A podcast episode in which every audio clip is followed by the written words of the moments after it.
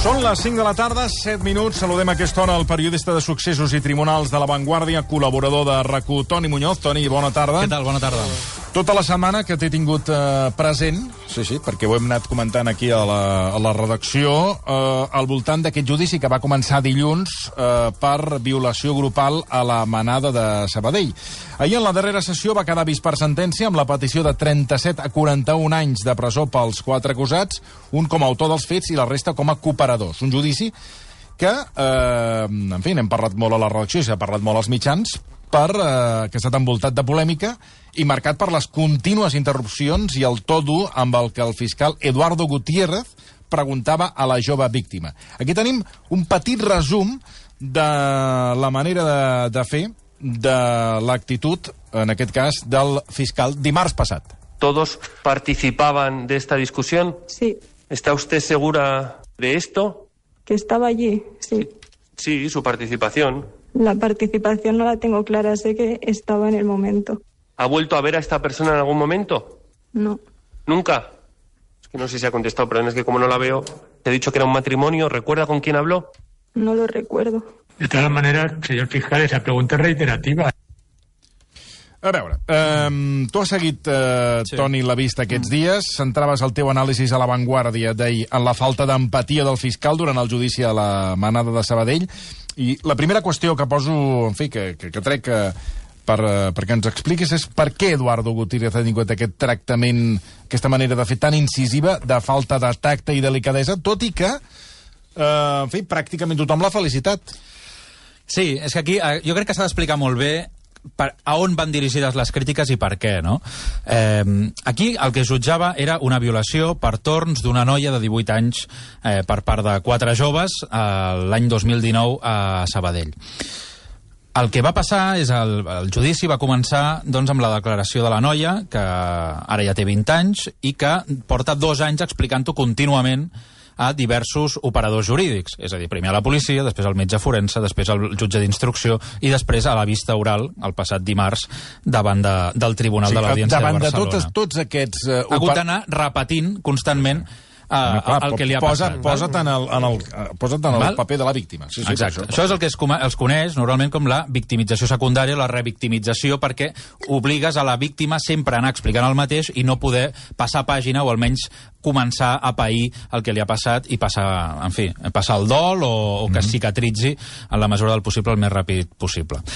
El que va passar aquí és que el fiscal va tenir una actitud que a tots ens va, ens va sorprendre molt, perquè el que acostumen a fer els fiscals, i això és així, és primer pregunten què és el que li va passar a vostè i què recorda, no? Aleshores, aquí, doncs, i de fet és el que va, va començar així, aquest, aquest interrogatori, què recorda vostè d'aquella nit?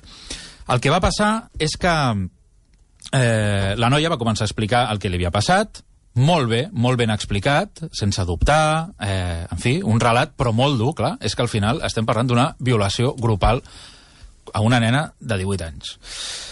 Però el, el, el fiscal el que estava era més interessat en anar interrompent aquell relat que anava fent la víctima per preguntar-li detalls accessoris. Val? I aquí s'ha de deixar clar una cosa, és a dir, els periodistes que hem criticat tot això no estem criticant que se li preguntin detalls accessoris, que és necessari. És a dir, el fiscal al final està demanant una pena molt alta, està demanant 37 o 41 anys de presó per una gent que necessiten tenir un judici just i un judici en el qual s'hagin repassat tots els indicis al detall.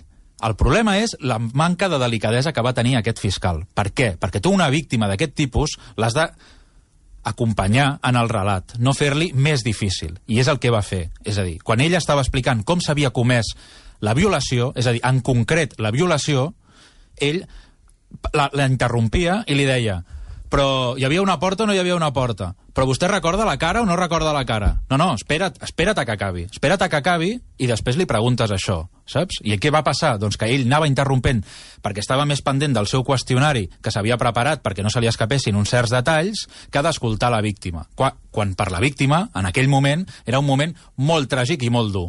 Doncs què passava amb aquestes interrupcions? Que quan se la interrompia havia de tornar enrere i tornar a explicar una altra vegada la mateixa situació. Fins a quatre Però vegades és que, que a són més a les... més, pel to... que són les Toni, quatre perdona, sembla que la violacions que li jutgin a ella. Clar, Home, aquí... Que...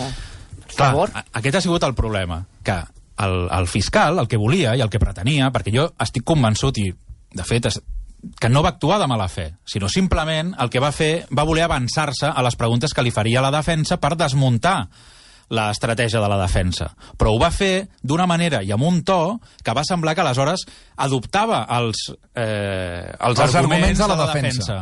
I, que, I, per tant, la, la defensa, que és el que li deia? Doncs l'estava acusant amb ella d'estar com mentint, no?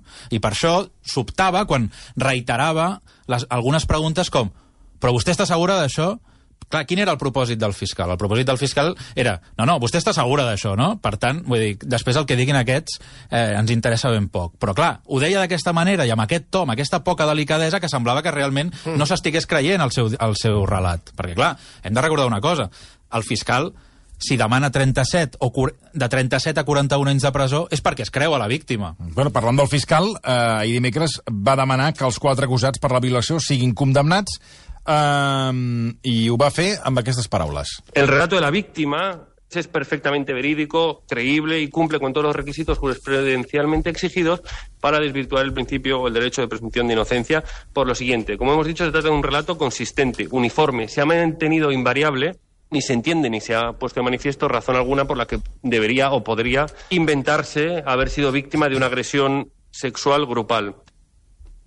Aquesta és la petició del fiscal. Sí, és a dir, el fi... és que és veritat, és que estaven en el mateix bàndol. És a dir, al final, el fiscal... Però és el que deia la Montse, clar, i, i també ho deies tu, la, la, la manca d'empatia doncs, va generar una corrent totalment a, a, en fi, adversa al Clar, fiscal, I tots no? estàvem escoltant aquell interrogatori i ens estaven posant les mans al cap de dir escolta, però que t'està explicant una situació que és molt cruel per ella. És a dir, deixa-la parlar i després, en tot cas, pregunta-li aquests detalls que són accessoris, que són molt importants per, per tu, per, per fonamentar aquesta acusació, perquè, òbviament, és el que estem dient, és a dir, s'han de donar en un judici oral tots els detalls, tu no pots condemnar una persona a 40 anys de presó per un, amb un relat genèric, això estem d'acord, però no, ens estem, no, no estem criticant el contingut de les preguntes, sinó el moment en el que es van fer i sobretot el to amb el que es va fer. I clar, el problema de tot això, amb aquesta manca d'empatia, l'únic que aconseguies era, doncs, eh, incrementar el dolor i el patiment d'aquesta noia que estava explicant per eh, enèsima vegada el que li havia passat.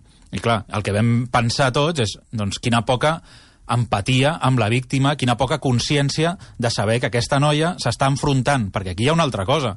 És que aquesta noia ha explicat aquestes coses, com deia, el primer dia que va denunciar a la policia, el segon dia al metge forense quan li fan la, la revisió per, perquè extre, bueno, per extreure-li mostres de, eh, de la violació, eh, el jutge d'instrucció i després una altra vegada al tribunal. Però davant del tribunal no és només davant d'un jutge, és que allà estan els seus violadors o presumptes, ara encara hem de dir presumptes violadors, estan, ella està protegida amb una mampara perquè no la vegin, ella no veu tampoc els seus violadors, però sap que estan allà.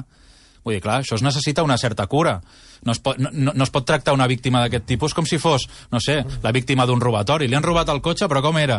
Li, eh, on tenia el mirall? On no, no, no, no es poden fer aquestes preguntes, s'ha de tractar d'una altra manera. I això és, la, és el que hem denunciat en aquests, en aquests articles aquesta setmana. El que passa, que al final, com estem en l'època que estem, i al final tu fas una crítica de, no del contingut de les preguntes, sinó del to i de l'empatia. Al final estem en mons de Twitter i mons d'això que tot el, el missatge es simplifica i al final el que s'acaba dient doncs és que nosaltres o que la premsa està criticant el fiscal per les preguntes que està fent quan realment aquestes preguntes s'han Bueno, de fer a nivell jurídic. I no és això el que estem Fins dient. i tot eh, Neus Pujals, la fiscal en cap de Sabadell, ha dit del fiscal que ni és masclista ni està en contra de la víctima, ni molt menys. És a dir, que aquí mm, hi ha hagut un gruix de gent, advocats, fins i tot l'advocat de, de la defensa, aquí tots han sortit a defensar el paper del fiscal. Sí, de fet ahir, eh, és això, nosaltres vam parlar amb la fiscal en cap de Sabadell, que va venir a defensar sobretot la, la, el nivell jurídic que tenia eh, el fiscal sí, sí. i tot això, i realment no és una cosa que nosaltres haguem posat en dubte, sinó el que estem reclamant és que... és en com una si ho víctima- trasllades en el terreny mèdic, que Exacte, un metge exacte. pot ser excel·lent, excel·lent mèdic, eh, excel·lent metge, disculpeu, però eh, és poc empàtic. Exacte. I això... Em Bueno, con- com ah, House, no?, una mica, clar. Com? Com House, portant-ho al terreny de, de les sèries. Exacte. Bueno, conec, conec el cas d'eminències Sí, sí. que són reverenciades mm. o han estat reverenciades al país i empàticament uh -huh. mm, deixen molt que desitjar, eh? amb pacients que, que van ser tractats. Vull dir que, que això va com va. I el que dius tu, el fiscal aquí d'empatia eh, poca. Els fets van passar tònit fa dos anys i durant aquest temps el cas ha donat alguns girs, perquè fins i tot un dels detinguts es va, es va fugar. Ha- Han estat jutjats tots o, o hi ha algun que no hi sigui? Doncs no, han està? jutjat, mira, de fet, eh, que haurien participat de l'agressió tant a nivell físic com persones que estaven en aquell lloc i ho van veure i no van fer res, doncs serien set les persones que, que haurien estat allà, però d'aquestes set, només quatre han arribat a judici i dels quals aquests quatre només n'hi ha un que hauria estat execució, executor material de la violació, els altres tres simplement ho haurien mirat i no haurien fet res per rescatar la víctima. Però aquestes persones també se les acusa d'agressió sexual i se'ls demana aquests 37 anys de presó.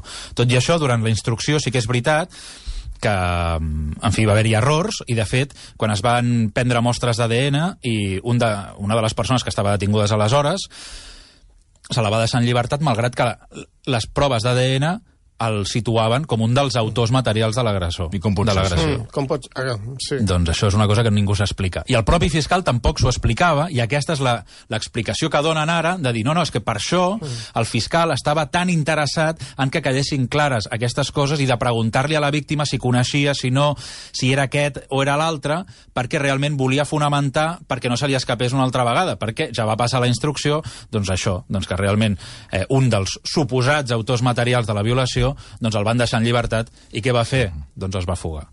Però això, aviam, eh, jo, mira, també m'he portat aquí unes quantes notes, i és que amb els delictes sexuals últimament està passant una cosa que, sincerament, és a dir, jo crec que s'ha de reflexionar sobre això. Recordem, eh, el cas dels maristes, per exemple. Sí. El, Sí, aquell, sí. aquell professor doncs, que va confessar haver abusat d'alumnes i tal. Aquesta persona va ser condemnat a 21 anys de presó. La seva sentència va ser ratificada. I aquest senyor continua al carrer i està amb una condemna de 21 anys de presó. I- i per què? Bueno, doncs perquè la, la sentència no és ferma, i per tant, com que no és ferma, doncs hi ha la possibilitat doncs, que si el Suprem a lo millor l'absolgui. Doncs, en fi, aquest és el, el criteri que estan I seguint. mentre no decideix el Suprem, Aquest senyor està... continua amb una continua condemna ferma en llibertat. Bueno, no és ferma, perquè, clar, fins que no la Bueno, confirmi el, el amb una- amb Suprem una- no, se- no es Però, considerarà però ferma. a vegades posen preso, presons preventives. a vegades posen eh, presons preventives, però en el cas dels delictes sexuals tinc la sensació, bueno, i de fet porto aquí un altre exemple, la manada de Manresa, val? van ser cinc joves que van ser condemnats de 10 a 12 anys de presó per haver violat per torns, un, un exemple similar a aquest de, de Sabadell, a una jove de 14 anys, menor d'edat. val? Doncs d'aquestes persones els van deixar en llibertat i què ha passat? Doncs que dos s'han fugat. Clar, amb una pena de 10 a 12 anys de presó, s'han fugat.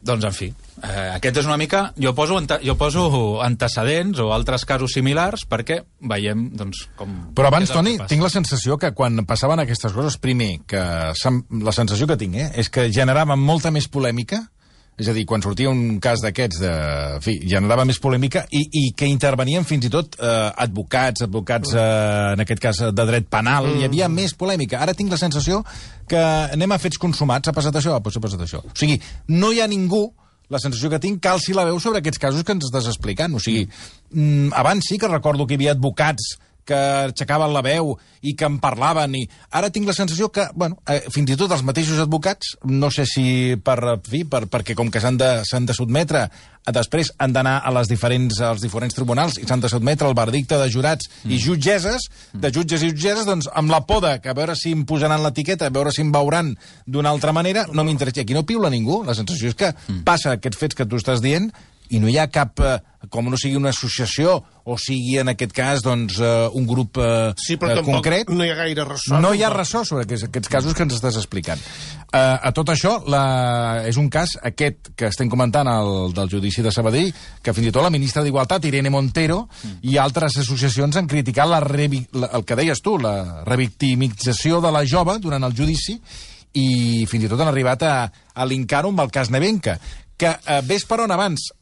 Mm, Jo això, quan- crec, quan- això quan- sincerament, crec que és exagerat. Sí, sí, però Val? estic d'acord amb tu. Però què va passar amb aquell cas, que abans feia memòria a la redacció, en aquest cas amb Míriam Díaz? Que en aquell cas el fiscal també va tenir una actitud mm. similar a la que hem escoltat i en aquell moment la fiscal de l'Estat el va cessar que és l'única vegada que ha passat. Sí. Ara no, ara tots han sortit a defensar el fiscal. Vull dir que també han canviat la, la mentalitat en aquest sentit. Mm, també s'ha de dir que, aviam, mm, Aquí, en aquest cas, jo crec que el fiscal el que va fer va tenir un error d'execució o de comunicació, però sí que és veritat, i els fets són clars, que sí que manté l'acusació per a aquestes persones i sí que es creu el relat de la víctima. Això és així.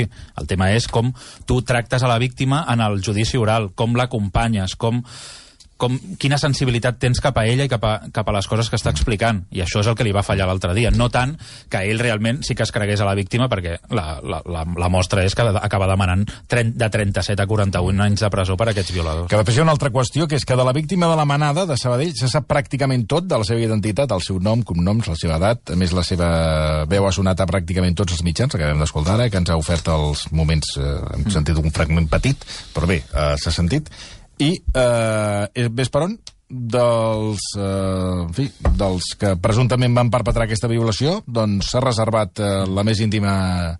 Bueno, la, la seva íntima... Què, què sabem? Vull dir que és l'únic al món al revés, no? Mm, la víctima no. hauria de ser la que... Exacte, la- la aquest protegida. Ca... Exacte. I no, de la víctima ho sabem tot. Dels agressors és dels que no sabem... Sí. Al contrari, un d'ells encara fent, saludant Ah, sí, amb la B baixa... vist, jo he vist. Amb la Victòria, exacte. Saludant la B baixa, Exacte. exacte. Aquí Això és el que aquí van passar dues Navarra. coses. En els Clar, vull dir, és una mica el món al revés. El Sí. que comet el delicte es posa la medalla a sobre, es fa el xulo.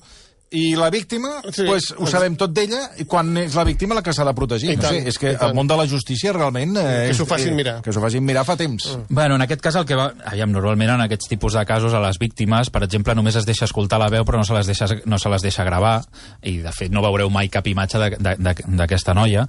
Sí que és veritat que la veu sí que és una cosa que sí que es deixa gravar i després doncs, se la protegeix amb aquestes mampares doncs, que la illa, diguéssim, de les mirades i d'haver de tenir davant doncs, els acusats. No?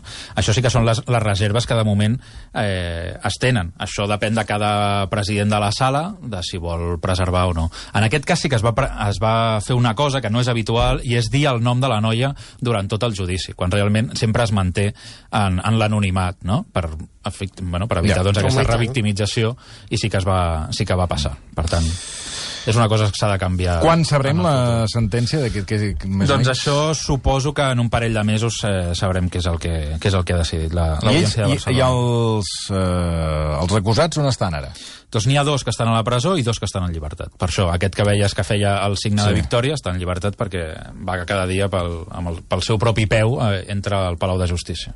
Ja. Quina barra.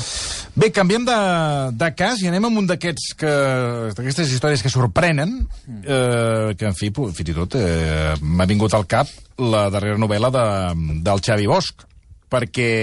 Sí que la comparaven, sí. Oh, bueno, clar, és que... Hem de parlar de, de, del lladre de llibres, Ai, carai. Sí, lladre de perquè llibres... si no en teníem un- prou amb lladres de joies, de cotxes o de diners, ara en tenim un de, una nova modalitat, el, els lladres o el lladre de llibres. Sí, va ser un cas doncs, que va destapar els companys d'Espècies Protegides de Ser Catalunya, que també he explicat alguna vegada l'Anna Ponsí de, de, de la cadena Ser. És un senyor de 47 anys, que es diu Tomàs, i que l'han enxampat diverses vegades robant llibres. Ai, carai. Anava a les, a les llibreries, no? a, sobre- sobretot a dues llibreries de, de la Barceloneta, la Fahrenheit Sí. i la llibreria Garba, i el senyor anava amb unes gabardines molt llargues, amb una, plenes de butxaques. Home, això no, clar, això no ho sabia clar. ningú, eh, que estaven plenes de butxaques.